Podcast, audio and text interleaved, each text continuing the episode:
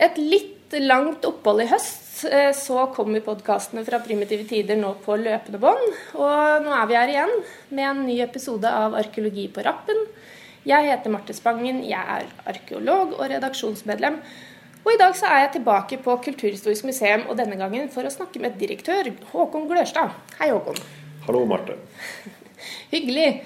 Eh, vi har kommet til den aller eh, siste episoden av podkasten vår for i år. Og selv om din tekst faktisk sto først i siste utgave av tidsskriftet, nummer 19, så har jeg valgt å gjøre ditt intervju til slutt. Og det er rett og slett fordi jeg tenkte at vi skal snakke litt om hvordan utviklingen har vært etter at du skrev det essayet som står først i eh, siste nummer, som altså heter Reformen av kulturminnevernet og det politiske landskapet. Noen betraktninger om estetikk, endetidsfortellinger, kanon og ressursavsavn. For en lett og ledig tittel du hadde der. Ja, absolutt. Så det var jo eh, en eh, tittel som eh, fanget kanskje det som var essensen i artikkelen. Men estetikken kan man jo ikke si er til stede. men den var jo ikke det du ville legge mest vekt på heller, da. Så absolutt ikke. Det passer, det passer kanskje sånn sett. Eh, vi skal komme litt tilbake til, eh, til, hva dette her innebærer, men hovedinnholdet det dreier seg jo da om de endringene i kulturminnevernet som vi nå står overfor i forbindelse med regionreformen. Eh, og det var jo faktisk tema for vår forrige podkast også. Der intervjua jeg Svein Nilsen, som er stipendiat her på huset nå. Om hans analyse av de siste 40 årene med endringer i kulturminnevernet. Eh, og Vi snakket litt med han da, om eh, hva dette egentlig innebærer. Men du kan kanskje begynne med å oppsummere hva du syns er de viktigste endringene som har skjedd gjennom de siste 40 årene. Og ikke minst da hvilke gevinster de endringene eh, har gitt. Ja. Det som er fantastisk med det norske kulturminnevernet, er jo at det alltid har vært en tett forbindelse mellom forskning og vitenskap og forvaltning av kulturarven på den annen side. Dette er jo noe som lå helt i grunnen tilbake til begynnelsen av 1900-tallet. Og Det vi ser de siste 40 årene, er jo egentlig at det er tatt mange grep som skal bevare og forsterke denne gode koblingen mellom forvaltning og forskning. Vi hadde Miljøverndepartementet, som ble opprettet tidlig på 70-tallet, som eh, tok for seg ressursforvaltningen. Man la kulturminneforvaltningen til eh, Miljøverndepartementet for at man skulle forvalte kulturminnet som en dyrebar ressurs som man måtte ta ordentlig vare på.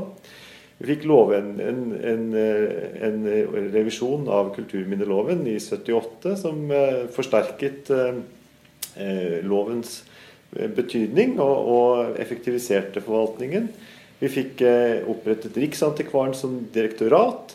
Etter hvert så kom fylkeskommunene på plass marklogstillinger som jobbet med å utrede reguleringsplaner, som er jo selvfølgelig den største trusselen mot kulturminnedag, samfunnsutbygging. Og vi fikk eh, en tydelig ansvarsfordeling mellom de forskjellige forvaltningsorganene, som likevel bevarte grunnintensjonen i systemet, nemlig å ta vare på kulturarven som kunnskapsmateriale. Mm. Og det som egentlig Vi snakka litt med Hans Svein om eh, i forrige episode, det var jo nettopp det at Eh, det har gått i én retning, men det har jo tatt veldig lang tid å, å utarbeide alle disse mm.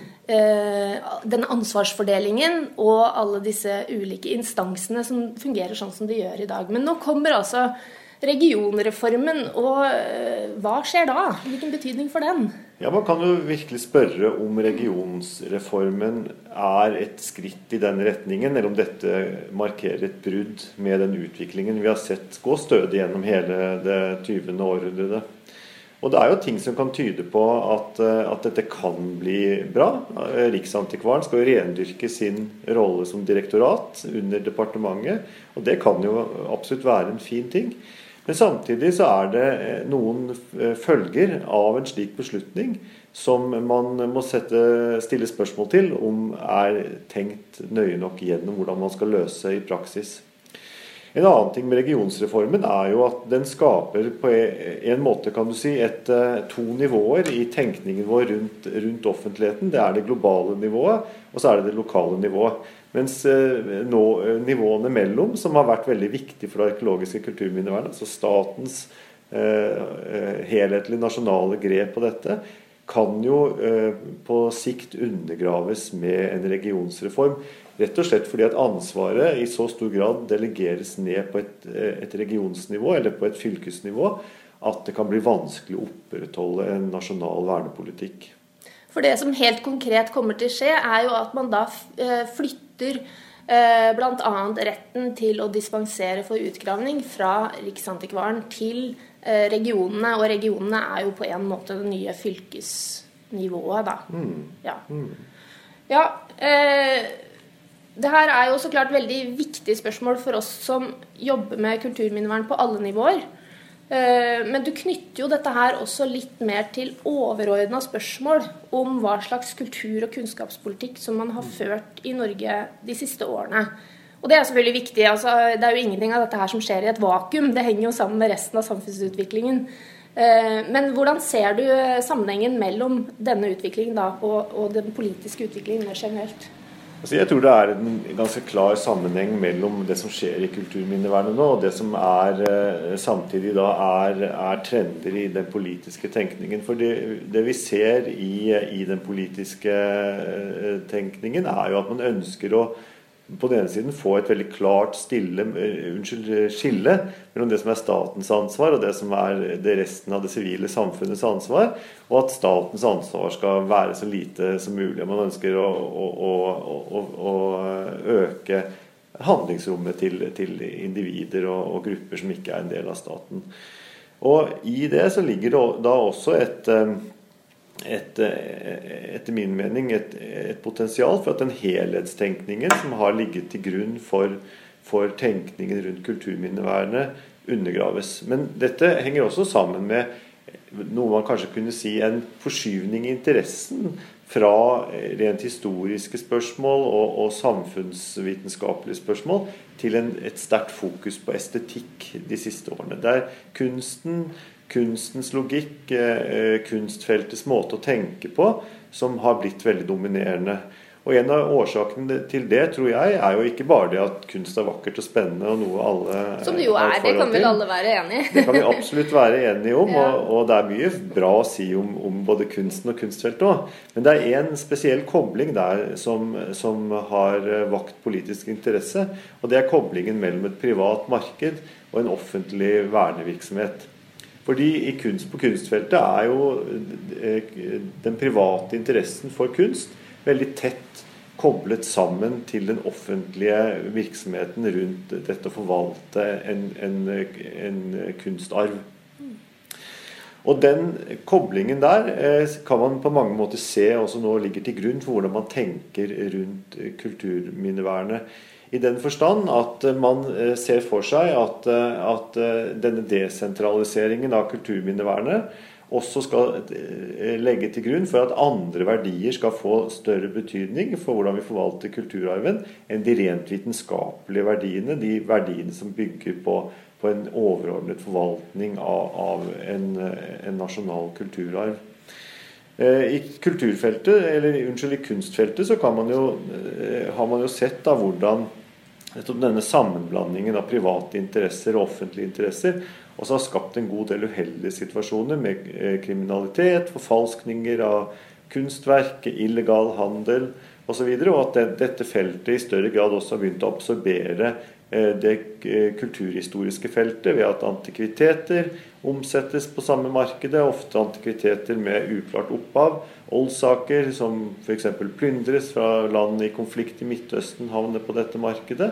Og du kan se at flere slike, slike eh, kulturhistoriske områder nå i større og større grad involveres i det, det estetiske markedet.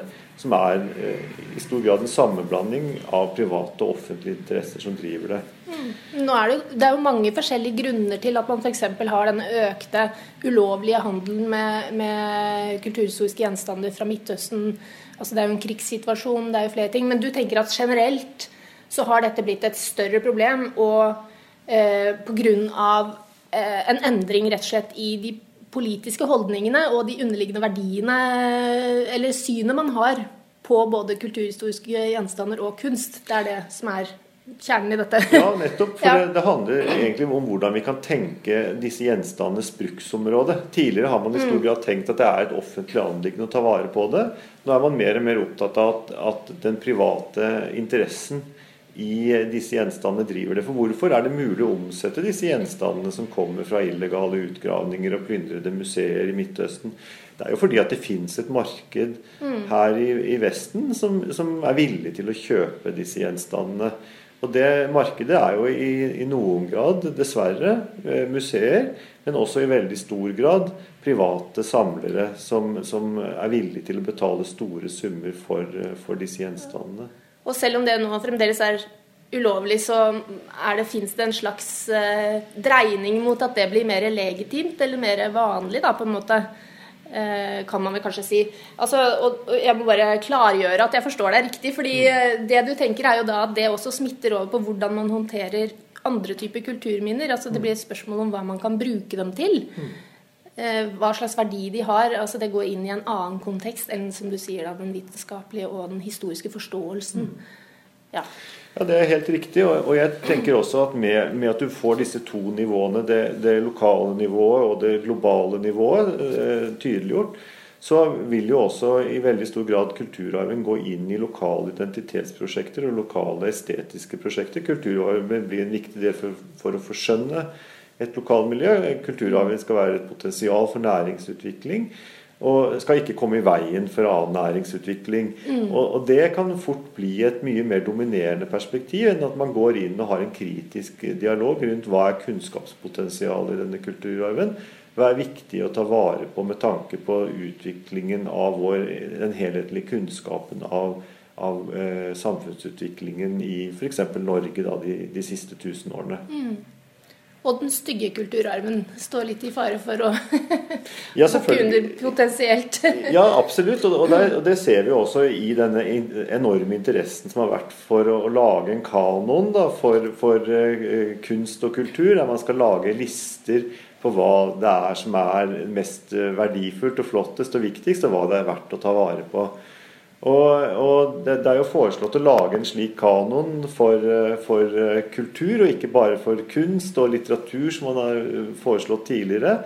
Og, og det er etter min oppfatning slik at, at denne tradisjonen egentlig tilrettelegger for at man kan i mye større grad velge bort de tingene man ikke vil ta vare på. Den stygge kulturarven, som du sier, som kanskje ikke er så spennende for et utrent øye. Men det legger også til rette for at man kan begynne å tenke om eh, det vitenskapelige arkivet som ligger til grunn for tenkningen rundt kulturarven som en ressurs. At man kan erstatte det med- en, eh, en tanke om at bare man har en, en god liste, så har man i grunnen gjort jobben sin som, som stat eller offentlig myndighet. For eh, Tanken er jo da at istedenfor at man forvalter kulturarven som en ressurs på linje med urørt natur eller eh, havets ressurser, så er jo ideen at man kan istedenfor lage en liste over hva som er viktigst. Og så lenge man har kontroll på den listen, så har man gjort jobben sin. Og det gjør jo samtidig at man velger bort en, eh, en god del av eh, det viktige vitenskapelige kildematerialet. Enten av, fordi man ikke vet bedre, eller fordi den ikke passer inn i den lokale eller den estetiske kodeksen som er gjeldende. Og det er jo et eller annet med unnskyld, tidsperspektivet her også. fordi at eh, det å lage en sånn liste, det innebærer jo at man har en formening om at den kan lages en gang for alle. da. Eh, og du skriver jo litt om det i dette essayet her også. Eh, da kommer vi inn på endetidsforestillingene. altså eh, hvor, for i vitenskapen og i arkeologien så vet vi jo det at du kan alltid finne nye ting. Du kan alltid skrive om historien. Det er i grunnen det vi holder på med hele tiden. Mens en sånn kanon eller en liste vil jo da innebære at man bestemmer seg en gang for alle, og that's it. Eh, Men dette med endetidsforestillingene, hva er det du tenker på der? Ja, det er dette som er, egentlig er veldig interessant. For det handler om samspillet mellom den intellektuelle utviklingen og den politiske utviklingen i et samfunn. Og den er jo aldri én til én. Det er ikke slik at politikerne dikterer hva intellektuelle skal tenke, eller vice versa. Men det er jo fascinerende å se at vår tid er i veldig stor grad preget av intellektuelle endetidsfortellinger, der store samfunnsvitere og historikere nå eh, går ut og annonserer at vi lever i de siste tider, sånn som mm. apostlene gjorde for 2000 år siden. Er vi der igjen. Ja, vi er der igjen, og, og, og sier da at, at, at historien som vi kjenner den, ender med oss, og det er en ny tid som ligger foran oss. Eh, og det er klart at eh, Tar man, tar man dette utsagnet på alvor, som, som, som, selvfølgelig har både gjennomslagskraft og relevans i en ren intellektuell sammenheng, men når man oversetter det til en politisk retorikk, så er det veldig nærliggende å tenke seg at listen er svaret på det. For listen er på mange måter endetidsfortellingens bokholderi. For da er jo historien gitt. Eh, Den er avsluttet, den er gitt. Og vi er i stand da til å lage en enkel oversikt over hva som var vesentlig å ta vare på fra denne historien. Og Det er derfor jeg, jeg syns det er interessant å se hvordan en, en intellektuell eh, debatt rundt, eh, rundt dette med eh, f.eks. hvordan den menneskelige påvirkningen av kloden skaper, kanskje skaper en ny geologisk periode, et antroposen f.eks.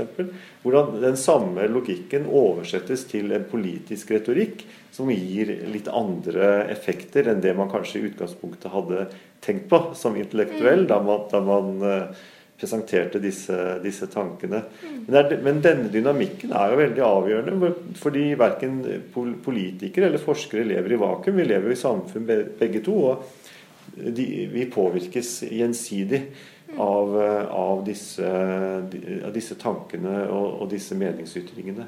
Ja. Nei, det er eh, dette her med at det, det, ser jo ut som det da skjer en slags sånn glidende utvikling i denne retningen, mer enn at det er noen som når politikerne har vedtatt denne regionreformen altså Det er ikke sikkert de bevisst har tenkt at det var dette som skulle skje, eller at det er pga. disse strømningene at det skjer. Eh, hvis jeg oppfatter det riktig? Ja, det er helt riktig. Jeg tror nok at det er en sterk politisk vilje å, å desentralisere, regionalisere og, og, samtidig også gjøre kulturarven mer eh, aktuell for folk. Men, men eh, det som er, eh, er, utfordringen her, er jo at, at eh, konsekvensene av en sånn vilje eh, Konsekvensene av, av, en slik desentraliseringsprosess og en sammenblanding av roller Eh, ikke bare eh, setter, eh, kan skape direkte konflikter i, i f.eks. reguleringssammenheng og samfunnsutbygging. Men det undergraver også det som har vært en hundreårig tradisjon i, i det arkeologiske kulturminnevernet for hvordan vi begrunner det. Nemlig mm. at det er en tett sammenheng mellom det å forvalte og det å forske. Og den sammenhengen er en ubetinget verdi. Mm. Og Det er nettopp dette skarpe skillet som på den ene siden oppstår mellom akademia og mellom forvaltningen, eh, som vi ser i mange sammenhenger. Eh, det skaper eh, kanskje også disse to forskjellige logikkene som tilsynelatende virker uavhengig av hverandre, men i virkeligheten egentlig interagerer veldig tett. Mm. Som et helhetlig system så ser man disse tingene tydeligere. Når man skiller de av, så blir det kanskje mer uoversiktlig, og man ser ikke konsekvensene. Mm. Ja.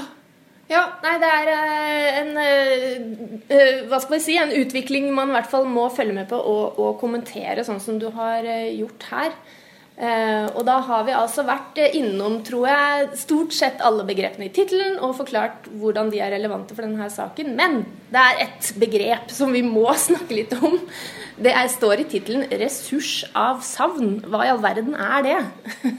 Avsavn er jo et gammelnorsk ord. Og, ja, burde jeg vite det, Andalus? ja, det betyr jo det betyr tap. Eller egentlig strengt tatt tap av eiendomsrett. Eller bruksrett, mener jeg ikke eiendomsrett, men bruksrett.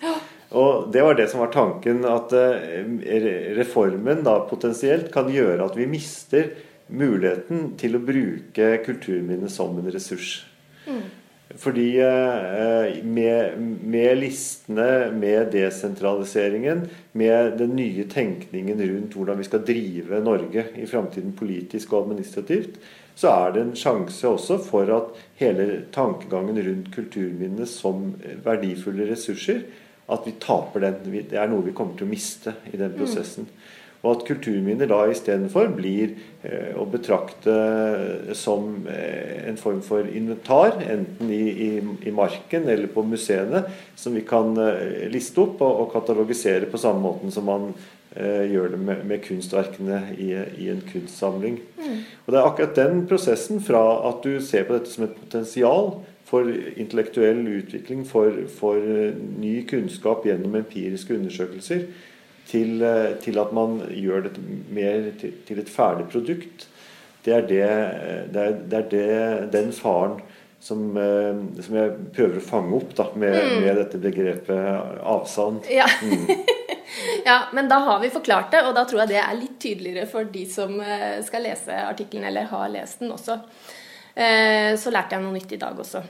Eh, nå er det jo to år siden du først skrev dette innlegget, for det ble faktisk holdt som et foredrag på NAM, eller Norsk arkeologmøte som det heter, som holdes hvert år, og det var i 2016. Og så er det snart et år siden det ble publisert i eh, det siste nummeret av Primitive tider. Så jeg hadde håpa at du kunne si litt om hva har egentlig utviklingen vært det siste året? Er det tegn som gjør at du blir litt mer optimistisk?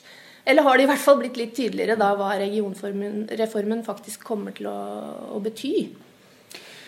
Jeg eh, vet ikke om jeg er så mye mer optimistisk, egentlig. Det tror jeg nok ikke at jeg, jeg vil si at jeg er. Men jeg, vi ser jo i mye større grad hva, eh, hvordan dette materialiserer seg. Vi har jo hatt nå eh, forskriften til kulturminneloven ute på høring, hvor, hvor, en del av disse tankene tas opp og modelleres enda tydeligere. Eh, men vi har jo også nå fått den nye kulturmeldingen, eh, hvor man er helt, eh, helt eksplisitt på at den regionaliseringsprosessen som er igangsatt, skal ha et veldig sterkt nedslagsfelt også innenfor den museale verden og innenfor den kulturarvsfeltet. Mm. Og man har varslet at man vil følge opp med nye meldinger på dette. Og, eh, så jeg tror jo at mange av de tendensene som vi så for to år siden, de vil nå bli mye mer synlige, og vi også begynne å se effekten av dem på en mye mer operativ måte, en mye mer politisk virksom måte, hvor, eh, hvor eh, jeg ser for meg at det kan være et kontinuerlig konfliktpotensial mot uh, vårt uh, ønske som arkeologer å ivareta en, en uh, forsknings- og forvaltningstradisjon som henger godt, på, henger godt sammen intellektuelt, mm. til at vi får et system der kulturarven mer blir blir sett på som, som, en lokal tilgang eller en regional tilgang med tanke på, på nærings- og opplevelsesutvikling i, i, lokalmiljøet. Og identitetsskaping i disse nye regionene potensielt, vil jeg tro at kan være et tema i det, den sammenhengen også. Absolutt. Mm. Eh, og eh, forskriften til kulturminneloven åpner jo opp for det. Og, og, mm. og, det er jo klart at det er jo veldig viktig. Mm. Men eh, en identitet skal jo kunne skapes på mange måter. Og Vi har jo mange eksempler på at en veldig ukritisk bruk av, av historien i disse sammenhengene kanskje ikke alltid er så heldig. Så jeg tror jo at uh, vi skal selvfølgelig bruke vår egen historie for å skape identitet, men det må gjøres en kritisk, uh, som en kritisk prosess, og, en prosess hvor også de, den akademiske tanken og den vitenskapelige tanken skal ha sin plass. Det er, det er ikke noe man bare Eh, ordner utenfor eh, den forskningstradisjonen som på en måte har skapt den historien. For det har jo arkeologien gjort. Mm, ja, vi har jo vært en sterk bidragsyter der allerede. Men eh, vi vil veldig gjerne være med videre og legge i hvert fall noen føringer for hvordan det skal videreføres, selvfølgelig. Mm. Eh, da har du jo for så vidt vært inne på hva du ser som de viktigste utfordringene i dag også. Eh, men jeg vil gjerne stille et spørsmål til slutt. Og det er jo hva syns du er viktig å jobbe med i din posisjon da, som direktør eh, på Norges største kulturhistoriske museum, som jo også er den største forvaltningsinstitusjonen for arkeologi. Hva er ditt hva, hva må du jobbe med nå framover for å kunne påvirke dette her, tenker du? Ja, noe av det vanskeligste med å sitte i en sånn posisjon, er at man aldri kan konsentrere seg om én sak. Eh, men man må alltid dele oppmerksomheten rundt mange forskjellige felt. Vi har jo tre kjerneoppgaver på museet. Det er å drive forskning, det er å drive forvaltning, og det er å drive med formidling. Og jeg tror at, eh, at den beste måten å forsvare de, de gevinstene vi har hatt gjennom det siste hundreåret, er jo å vise at denne dynamikken mellom disse tre samfunnsoppgavene faktisk virker. Mm. Og er noe som gir en merverdi ikke bare til de som jobber på museet, men, men til hele samfunnet. Det kan vi gjøre både gjennom å, å, å, lykkes godt eh, med, med, forskningen vår, få den ut internasjonalt, vise at den norske modellen for å tenke forskning, for å tenke arkeologi, faktisk har internasjonal relevans. Og det syns jeg jo arkeologer i dag i stor grad lykkes med. Men det handler også om å jobbe med å gjøre disse resultatene godt kjent blant eh, folk flest. Eh, og der man også viser at det er nettopp på bakgrunn av et forskningsmiljø av intensiv forskning og en internasjonal orientering at man kan komme fram til de resultatene som også har interesse lokalt og regionalt. Og så er det i den sammenhengen også utrolig viktig at vi kan følge opp eh, forvaltningen av kulturarven på en ordentlig måte. Både forvaltningen av kulturarven ute i landskapet og, og her på museene. Når vi får det samspillet til å virke, så, så uh, tror jeg også at vi har det best både som akademisk disiplin og som forskningsmiljø. Så min utfordring er jo å gjøre dette samspillet best mulig synlig politisk. Og bidra at de politiske beslutningsprosessene tar ordentlig hensyn til det. Mm. Og det høres eh, kanskje enkelt ut, men det er vel eh, en del innsats som skal til der for å få gjennomslag i de politiske rekkene. Så eh, det er bra vi har noen som jobber spesifikt med det. Vi må avslutte samtalen her, da, men det ligger jo åpenbart til rette for nye diskusjoner om dette temaet. Og vi håper jo så klart at noen av dem skal finne veien til sidene i primitive tider også. Det er selvfølgelig viktig for oss å være et talerør for denne siden ved arkeologi også som angår en sånn dagsaktuell og bred eh, debatt i samfunnet, eh, så vel som mer rendyrka forskningsresultater. Men enn så lenge da, så får jeg si hjertelig takk til deg, Håkon, for intervjuet. Og eh, for de som fant det her interessant, så er det kanskje mulig å lese Eller det er selvfølgelig mulig å lese essayet ditt i PT nummer 19, men ligger det noe sted på nettet også? Det skal være nettilgjengelig, ja. Det skal ja. det. ja. Har du en adresse som du husker i farten, eller er det Den ligger ute på Akademia Edu, er det ikke der det ligger? Jo, det er der alt ligger. Ja. Nå er det nesten så vi ikke behøver å si det lenger, for dette er hver, hver episode så er vi innom Akademia Edu. Det er jo veldig kjekt. Da er den tilgjengelig der, og uansett så har vi jo, som jeg sa i forrige episode også, planer om å publisere gamle utgaver av PT på nettet etter hvert. Eh, for nå blir jo da Primitive Tider open access, eh, og da skal det være mulig å finne også dette essayet etter hvert på eh, våre sider på www.journals.uio.no. Da er det bare for meg å takke lytterne for følget dette året, og ønske velkommen tilbake til en ny sesong av Arkeologi på rappen med nye intervjuer og nye temaer en gang utpå nyåret. Og enn så lenge så må dere alle sammen ha en riktig god jul.